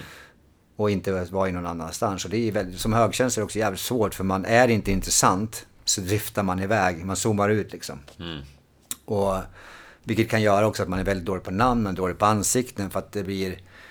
Man är kanske lite överstimulerad så man, kommer, man är liksom inte där. Och det har ju hänt mig alltså massa gånger. Jag träffar, hej Andreas, man bara, tja. Aldrig sett människan i hela mitt liv liksom. Och det kan ju vara att jag pratat ganska länge med den här människan, men jag var liksom inte där. Ja. Så det här är ganska intressant och, och, ibland när jag går ut och käkar middag till exempel så kan jag komma till middagen och känna att jag, är liksom, jag är helt slut. Och jag är liksom inte närvarande i mig själv för att jag är slut. Och nu har jag liksom, jag har bra verktyg för att hantera det. För det är ju väldigt mycket känslor. Kan jag bara vara i känslan och tycka att känslan är okej. Okay. Så att även om känslan är jävligt jobbig eller om den är bra så är jag bara i känslan. Och inte låta det bli en tanke. För man har sett att är, kan du bara vara i känslan i upp till, jag tror den försvinner på någonstans 90 sekunder. Ska den liksom, kanske inte försvinna helt men väldigt mycket mindre. Men när känslan blir en tanke och det där blir en loop. Mm. Det är då det blir, alltså det är där man har sett i depressioner som skapar depressioner. Det är när tankarna och känslorna går i virrvarr liksom. Mm. Och sen skapar du din egen lilla verklighet där uppe i skallen som inte har någonting med kanske verkligheten att göra. Mm. Och, så jag har lärt mig jättemycket av att vara i känslan. Låt den komma, låt det vara jobbigt i känslan. Var i känslan, men låt den vara där. För en känsla kommer aldrig döda dig. Det är bara en känsla. Mm. Den är ingen farlig. Bli kompis med den. Fråga, vad är det här för känsla? Vad gör den här? Vad vill du mig nu? Ja men det vill jag inte ha här, nu kan du dra nu för jag ska och käka middag nu. liksom du vet, så att inte skapa då, så att det blir... Man, jag har blivit, man säger så här, jag har blivit kompis med mina känslor. Mm. Det där skulle jag säga är en av, just i min egen utveckling också, så här, en av de viktigaste sakerna just mm. nu. Mm. Alltså här, vi är människor, vi kommer att känna känslor. Vi kommer känna sorg, vi kommer bli förbannade, ilska, kärlek, Verkligen. alltså alla känslor. Och känn dem, alltså låt Exakt. dem komma. Du vet, ja. så här, skjut inte bort dem för de kommer att ta ut sig på något annat sätt sen. Ja. Har jag lärt mig. Men verkligen. Och jag trodde så här när jag började med den här personlighetsutvecklingsresan ungefär för fyra, fyra år sedan ungefär. Och då trodde jag när jag började så här, men med, jag har gjort min meditation nu, jag har, liksom, jag har tränat, jag har käkat bra mat. Och så nu kan jag inte känna några dåliga känslor, det är något fel på mig. Jag har gjort allting som så här, ja. ska få mig att känna bra. Jag har bara stött bort de här ja. jobbiga känslorna. Ja. Men det är, jag har märkt nu, det är så fel. Så jag måste embracea dem för att jag är människa och jag kommer att känna. Så det är...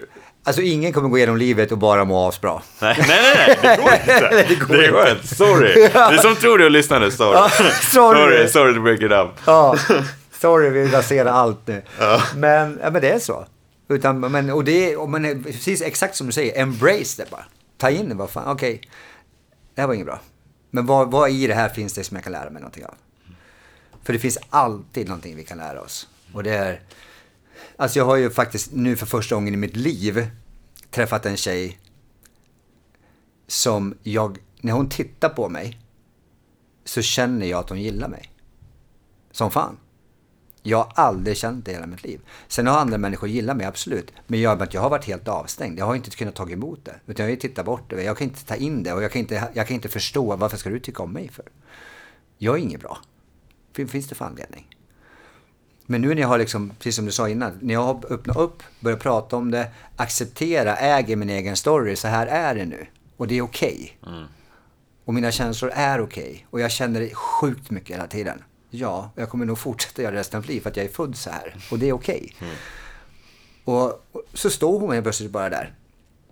Och hon bara, jag tänker stå här vid din mur tills du öppnar upp den. Jag ska ingenstans. Jag är med dig här. Och helt plötsligt så, eh, så har jag öppnat upp. Och kan, kan känna, och jag känner annorlunda från vänner. Jag känner, jag, känner, jag känner att folk verkligen tycker om mig på riktigt. alltså i den här delen av mitt liv. Du vet, det är inte bra att det är första gången nu. Men tack och lov att det i varje fall hände nu. Att, jag, att man har lyckats ta sig så långt genom, genom motgångar. Kommer dit så jag kan känna att någon faktiskt tycker om mig som fan.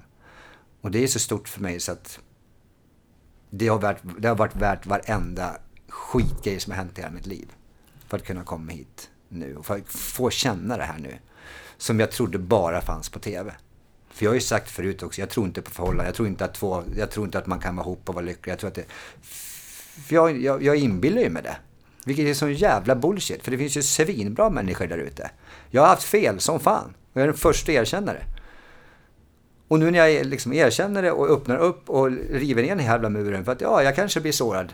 Ja, fine. Det kommer jävligt ont, bara känslor. Mm.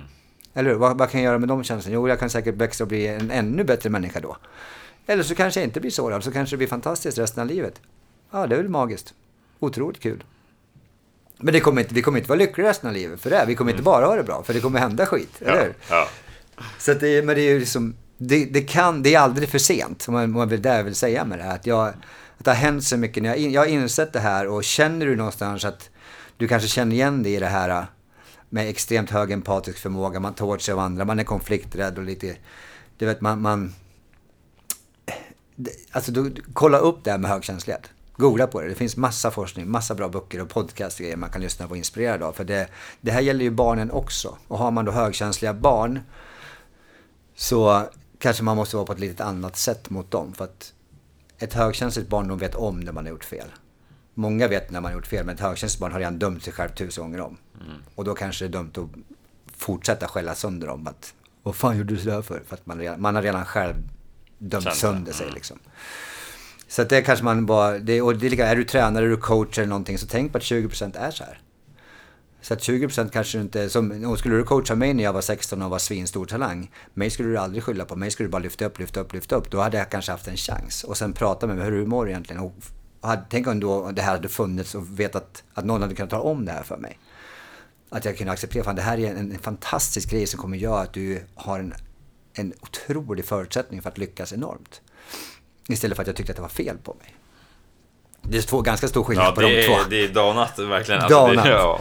Och kunna få känna det nu och inse det här nu och kanske hjälpa någon där ute som, som känner igen sig i det här. För det är ju väldigt många jag träffar som jag ser rätt igenom och som jag känner, ja, det här är någonting som du kanske ska läsa om. För det är, det är många, det är så många skapare, många musiker och, och sådär som skapar mycket musik.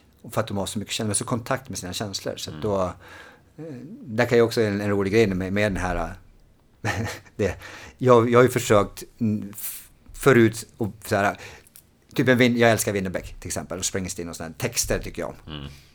Och då kan jag ju förklara för någon som inte är högkänslig, som bara är, är du vet, en jävligt bra människa ändå och såklart känner saker, för det alla känner ju saker. Men jag kan ju liksom gå sönder av en textrad av lycka. Bara, känner du den här textraden? Alltså den här textraden är så jävla briljant. Han bara, va? Ja, men så känner han sjunger, känner du inte? Man bara, eh, nej. Det är en bra rad. Nej, det är inte bara en bra rad. Det är för fan, man, alltså jag blir så lycklig, jag vill skrika av en bra, så bra är det. Så, så mycket känner jag. Och han, alltså, typ en, en kompis till hon eller han sa, ja, alltså, ja, det är en bra låt, en bra rad, men inget speciellt. Jag bara, mm. Kom igen, vad är det Kom igen, ja. Känner du inte det? Och det här känner när jag går tillbaks nu, du vet. Man bara, alltså vad fan, ja. Du vet när jag gått på konserter, du vet. Jag har ju gråtit, jag har varit helt tagen av grejer. Så står man och tittar på andra som bara står där. Jag bara, vad fan. Och snacka om att man tycker att det är fel på en. Ja. Varför står jag här och gråter som en jävla mupp? Men det är ju fantastiskt. Det är synd att vi inte har den informationen tidigare. Att man ja. inte... Sånt här borde man ju få in redan i skolan. Alltså ja. det är så här hur vi fungerar, hur vi lär oss. Så ja. Det finns bara ett sätt i skolan, ja. i princip. Ja. Alltså, du ska lyssna på en, på en som är lärare, och sen ska du, sen ska du läsa en bok och sen ska du skriva. Ja. Och that's it. That's it. Han bara, vi lär på så många olika sätt. Så här, lyssna, höra, prata, Prova. skriva, pro mm. alltså, här, mm. göra, pilla. Alltså, ja. Ja, och vi måste ju lära oss hur, hur människor fungerar mycket tidigare så vi förstår oss själva. Verkligen. För då kommer vi oss bra förutsättningar för liksom, det är det som börjar med att vi kommer må bra och frodas i livet och förstå oss själva hur vi fungerar. Ja. Men fattar du om någon kunde bara säga att, att om du är lärare eller som jag jobbar med, med också med väldigt mycket barn och ungdomar. Nu vet jag ju om det här. Så nu kan jag ju också se och hantera barn som jag ser igenom är mycket känsligare än andra. Mm. Och hur jag ska hantera dem. Jag har gjort det här ganska automatiskt i, i och därför har, när jag gjort camper och, och gjort utbildningar och, och, allt jag gör, så blir det ju ganska bra för att jag anpassar mig efter gruppen, efter individer på ett sätt som jag känner och inte kan förklara egentligen vad jag gör. Jag bara gör, mm. för att jag känner vad jag ska göra. Mm. Vilket är också fantastiskt. Samma sak i träning, om när jag behandlar, alltså vad jag än gör så känner jag saker. Men nu kan jag förklara det. Och det blir en enorm skillnad mm. såklart. Om jag, om jag ser att om du är, vet Kim, 14 år och kommit med, med 10 andra. Jag ser ju direkt om du behöver en extra klapp på axeln, jag ska ta med dig, jag ska... Jag kör ju alltid på, på somrarna när jag har mycket kids, jag är alltid så här dagens hjälte. På passet för mm. de yngre liksom. Och det, det, det är för mig blir det ganska enkelt att ta ut en sån, för jag ser ju direkt. För det handlar inte om prestation här, utan det handlar om att någon har slagit någon på, på axeln, gjort en bra grej, eller gå och hämta vattenflaskan, gör en bra grej helt enkelt. Och det är, när jag ser de här som förmodligen är högkänsliga kidsen, de får ju ofta höra att de är jävligt bra. Mm. De lyfter jag ju väldigt mycket, för de behöver höra det. Och då behöver vi inte höra att de har gjort fel, för det vet de redan om gånger en miljon. Mm. Det är en jäkla bra grej som du kan ta med dig, som du har lärt dig. Och så här, att du kan applicera det i ditt arbete också. Mm. Det är ju så jäkla bra. Kraftfullt. Alltså... Extremt kraftfullt. Och det har jag gjort också i och med att jag alltid har varit intresserad av utveckling och alltid har pluggat och jobbat väldigt mycket. Så i den här med den här goda vanan då med, med min morgonjoggar här så jag också då skapa efteråt det att jag pluggar både om min personliga utveckling, min egen utveckling, för att göra mig också till bättre coach och en bättre människa. Men också mitt yrke. För jag vet att jag är jävligt bra på det jag gör. Och pluggar jag en till två timmar varenda dag också. Så kommer det inte bli något sämre direkt. Nej. Och jag vet att det är inte så många andra som gör det. Eller? Så då, okej, okay, vill de hänga på mig så får de lägga ner mer tid än vad jag gör. Mm. Och det är inte så många som gör. Och när jag ser och får veta, tack vare att jag gör sådana här saker så hamnar jag kanske på YouTube på en på en eh, föreläsning och så på den föreläsningen så hittar jag någonting annat som han säger eller hon säger.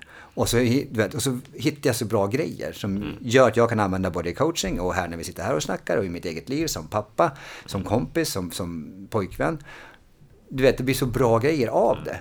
Så det, och jag tycker det är så kul. Så då, för jag pratade med en annan en mentor som jag har inom mental träning. Gunnar Kalin heter han. Fantastisk människa.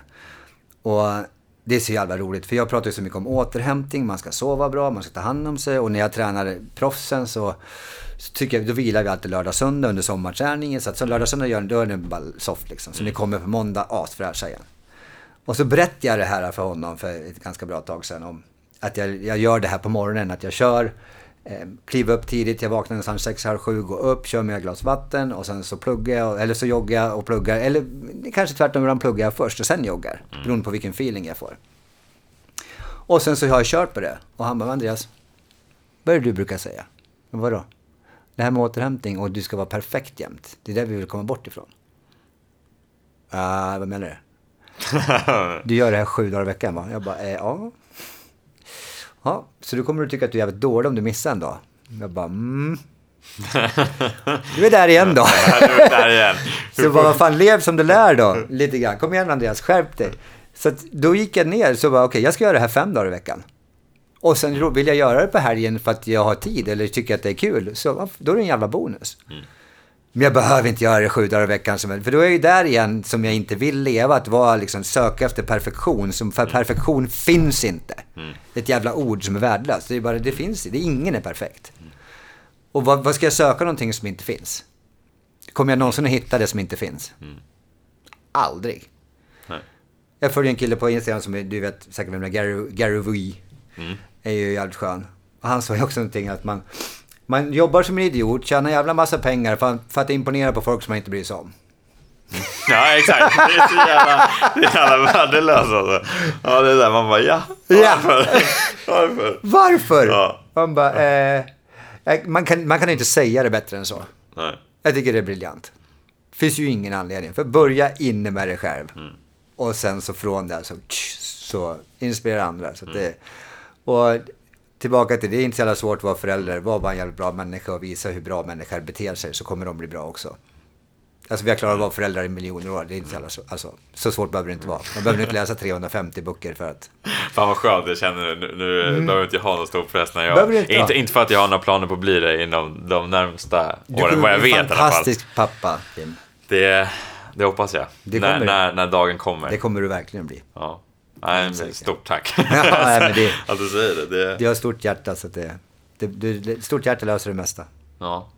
Skönt. Då, det är den pucken. Då är det klart. det, är, det den färdig. Ja, ja men det är bra. Nej, jag tycker det, det här med återhämtning tycker Mm. jag också är väldigt viktigt. Eh, hur, eh, hur gör du nu då? Alltså förutom att... Eh, för att få den då? Nej men alltså återhämtning är ju, alltså inom träning är det ju, jag tränar ju väldigt mycket. Och för att må bra och eh, jag, jag vill ju att alla jag tränar och även mig själv lär känna sin egen kropp. Att när jag säger någonting, jag håller på nu också att bygga en online, så man kan träna online med mig, online coaching. Och där kommer bli det viktigaste av allt vara att kunna lära känna sin egen kropp, för då är inte jag där. Och när jag säger till exempel 3 gånger 10 till dig, så det är en rekommendation. För jag vet ju inte hur du återhämtar dig. För allting handlar om återhämtning. Och det man har missat, tycker jag, enormt, i synnerhet då i elitidrott och idrott överhuvudtaget, det är att det ska vara så jävla mycket volym. Och man glömmer helt det viktigaste av allt, det är att återhämta sig. Och vi, vi säger att vi, vi tränar som fan och så gör vi en dålig match. Vad kommer coachen göra? Till stor procentdel. Skälla, vara arg, ni ser trött ut, var fan är ni någonstans? Imorgon ska ni få åka skridskor eller jävlar, eller springa backe eller vad det nu kan vara för någonting. Man bara okej, men vi har kört 27 pass den här veckan, vi är helt slut. förstår du? De har haft noll återhämtning, nu överdriver jag såklart lite grann, men, men förstår vad jag menar? Att Principen alltså. Principen är ju att vi, de kanske är helt slut. Vi kanske behöver vila. För att idag så går ju och i synnerhet sport och idrott ut på att allting går jävligt fort. Och när det går väldigt fort så är det väldigt mycket kraft. När det är väldigt mycket kraft så krävs det väldigt mycket energi. Och då blir det viktigast av allt att återhämta sig. Så jag brukar säga att hur lite kan man träna för maximal effekt? Eller maximal utveckling? Och jag säger inte att det ska vara lite, men hur lite ska vi träna på individuell basis då? Så hur, hur lite behöver jag träna för att nå mina mål? Och hur lite behöver du träna? För att man vill ju dra ner det så att det är på gränsen till att jag har maximal utveckling. För blir det lite för mycket, så det tar för lång tid att återhämta dig, då får du inte rätt utveckling. För det blir, för, det blir bara belastning, belastning. För jag tror att det alla vet och förstått för länge sedan, är att man och bygger upp när man vilar, och man bryter ner när man tränar. Eller? Men sen så glömmer man bort det plötsligt. Men vi ska träna fyra pass om dagen. Man bara okej. Det, det kanske inte är så bra. I, sen kan man göra det ibland för att testa pannben och sånt, det är fine. Men att bygga liksom på mängd och glömma bort återhämtningen. Eh, och jag tror det här gäller även liksom när man tycker att i tonår kan man ju träna som fan. Och ja, det kan man. Du kan träna sjukt mycket mer än, än, än en vuxen 25-åring, liksom, absolut. Men även de behöver återhämta sig. Och i synnerhet i sport där allting går så fort. Ska du göra människa snabbare? Hur ska du göra någon snabbare som är helt slut? Ska du, du ska jag lyckas få dig att springa snabbare när du har helt trötta ben jämt? När ska du bli snabbare då? Ja, det, det är en jävligt bra fråga. Det, du- det går inte. Ja. Så du börjar, alltså med rätt återhämtning är det. Så jag brukar ju börja med sömnen, är ju överlägsen etta. Alltså sömn är viktigare än träning och näring tillsammans. Alltså så att, och jag kan ge några, några tips här som är, alltså sov i ett mörkt rum, kolsvart. Se till att det är becksvart. Köp persienner eller om du behöver, men se till att det är becksvart. Att det är lite kyligt. Att man, man gärna, om man har ett fönster som går att öppna eller en dörr eller någonting ut, så att man öppnar en kvart innan du ska gå och lägga dig. Så att det är lite, och är det på sommaren kanske dörren är öppen hela tiden. Så att det är luft i rummet när du ska lägga dig. Och gärna lite kyligt. Och så har vi den här roliga då som ingen kommer gilla mig längre nu efter det här. Men ha mobiltelefonen utanför rummet. För att man har ju sett också i studier att vi, är, vi sover mer stressade. Alltså kortisolet, stresshormonet i kroppen, är högre hos de som har telefonen bredvid sängen än de som inte har det. Ja, och sen är det klart individuellt.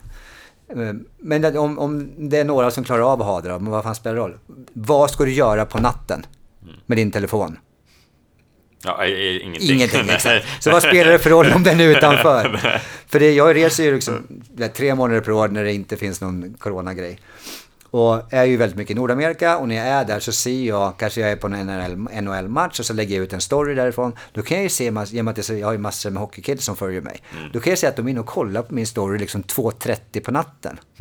Och det är de som ligger, så vaknar de till och säger jag måste kolla Instagram. 2.30. Och sen försöka somna om från det. Det blir inget bra. Så köp en helig gammal väckarklocka, ställ den bredvid sängen, ha telefonen ute i något annat rum och låt den ladda där. För du har ingen användning av den på natten. Och det kan bli bättre. Och sen då, jag har, på iPhone heter det i alla fall Night Shift. Jag vet inte vad det heter på Android, men det finns ju någon liknande. Så att skärmen blir så orange. Och man har ju sett då att det här blåa ljuset är ju motjobbar melatoninet, alltså sömnhormonet i kroppen. Så att det blåa ljuset tror då hjärnan att det är dag. Så att då kan den fördröja melatoninutsöndringen ganska mycket med att du kollar på den här blå skärmen. Och då är tydligen den här orangea väldigt mycket skonsammare. För vi vill ju ha den här melatoninutsöndringen, att det blir mörkt, det börjar bli kväll och vi blir tröttare. Och det är den som gör att vi känner den här tröttheten. Och det kan, det kan räcka med att du tittar på telefonen i vet, några tiondelar med blått ljus. Så kan det fördröja ganska mycket. Ja. Så det är ganska onödigt. Så Jag har, jag har min automatiskt. Man kan ställa in den automatiskt. Jag har min från 19 till 07. Eh, varje dag automatiskt. Jag tänker inte ens på det längre. Utan det är också blivit en bra vana liksom. Så det, det, det är ju bra grejer. Sen så om man kan då är att försöka inte äta precis innan man, det sista man gör innan man ska lägga sig. För då måste ju kroppen ta hand om matsmältning och massa skit i, i under sömnen när, det, har- när, när den ska hålla på med massa andra saker och spara minnen och utveckla hjärnan och massa saker som vi behöver blod till också. Och, så att matsmältningssystemet kan, kan få vila då. Utan då, då ska vi bygga upp massa andra saker i kroppen. Så att om man nu tränar på kvällen sent så att det är ju flytande så en shake eller någonting är väldigt mycket bättre. Det är mer lättupptagligt för kroppen. Liksom. Det. Så att det är ju med att rekommendera. För men äta en köttbit 23.30 kanske inte är helt optimerande för återhämtningen på natten. Så det är väl en 4-5, jag vet inte hur många det har varit nu, men det är ganska bra enkla tips som är gratis liksom. Sen kan man ju också, om man nu känner att man har råd, om man ska köpa en ny säng, gör det på riktigt. Alltså köp inte på internet utan att prova den först. Ja. Utan gå och prova och alltså prova massa. Så att eh, jag gick och köpte med Liam, min äldsta son. Och, och när jag visste att han skulle börja på hockeygym och han är liksom... Visste jag att det blir en jävligt mycket mer träning för honom. Han måste ha en bra säng. Så vet, jag äter ju hellre bara ketchup en månad för att han ska ha råd att få en bra säng. Eller ett år kanske jag ska käka ketchup. Men vi gick runt i, vet, i fyra, fem timmar och bara testade på bor jag i Sjöstan så att i Sickla där finns ju massa sängaffärer bara på, i Sickla högkvarter där. Smidigt. Jävligt bra. Så vi spenderade fyra, fem timmar, gick runt, provade, provade, provade, provade, provade, provade. Han fick inte titta på någon prislapp för då kan ju också en ungdom vet, du, jag ska ha en där för 27 000. Man bara, "Mm, nej titta inte där. Så han fick verkligen prova sig fram. Och höra också, för de, de är ganska duktiga de här. Vissa är väldigt duktiga på, på um, hur kroppen ska vara i sängen när den ligger och, för att återhämta sig maximalt. Så att gå och prata med de här experterna på so- sovbutikerna och få en bra säng om du nu är, ska byta säng. För att det har ju extremt betydelse. Och så sköna lakan, skönt täcke, skön kudde. Alltså du vet, jag kallar mina täcken för fluffet. Jag vet, fluff och det, det är magi. Jag och fluff, vi sitter ihop. Så det är, eh, det, om man nu vill lägga lite pengar på det så är det jävligt bra tips på, på, på det. Så att... ehm, där har vi sömn, förbättra sömnen som kommer att, får, förbätt, mår, så, så får du bättre sömn så kommer det bli lättare med allting annat i livet. Då klaffar det bättre. Klaffar det bättre. För återhämtningen är ju the key to success. Ja, jag måste köpa en väckarklocka. eh, en Du kör telefon bredvid, eller? Ja, alltså jag, ja, det ligger nere vid golvet så att säga. Så den är bredvid. Så det måste jag göra. Ja, men Det- jag det- tror att det är bra. Alltså det är, du sa ju det själv, man använder den inte på natten, så vad ska du med den till? Nej, exakt. Jag har den bara på väckarklockan. Mm. Det är den enda anledningen till att jag har den i rummet. Annars kan jag lika bra ha den Precis. lämna den. Och det skyller alla kids på också. Så att det, Ja, exakt. även, även, även fast det är föräldrarna som väcker dem så de bara, nej men jag ska ha den här. Man bara, okej. Japp. Du behöver det inte. Nej, du behöver inte. Alltså, du, ja. Nej, man kollar inte telefonen i sömnen, vad jag vet. Kanske man gör, kanske om något år så är vi där. Då. Sömngår. Kolla Instagram på so, i sömnen. Ja, det är nya. Ja, underbart. Vi kommer till, eh, vi har hållit på en timme och 29 minuter. Oj, oj, oj. Ja, det, Det är bara, jag kan fortsätta en timme till utan problem. Ja, vi får ta ett avsnitt två. Ja, jag tror nästan det. Ja. För jag vill komma in mer på, på träning, och Absolut. återhämtning och sådana grejer. För det tycker Verkligen. jag, jag tror många vill höra det också. Såklart. Eh, Det finns ett stort intresse kring, kring det också. Och för, för min egen del också om jag ska vara ärlig. Ja. Så, men eh, två frågor då som jag Ja. ska ställa till dig. Kör! Eh, vad vill du lämna efter dig? Jag vill lämna efter mig lyckliga barn. Som insåg att deras pappa var allt annat än perfekt, men han älskade dem mer än allt. Och gjorde allt för att utveckla sig själv så mycket som möjligt för att vara en så bra människa som möjligt. Och förhoppningsvis till slut lyckades. Men att de har känt kärlek och känner sig omtyckt, känner sig att jag alltid finns där. Vad som än händer. Det hoppas jag att de... För det, det är det viktigaste av allt. Och på ett person, personligt plan såklart.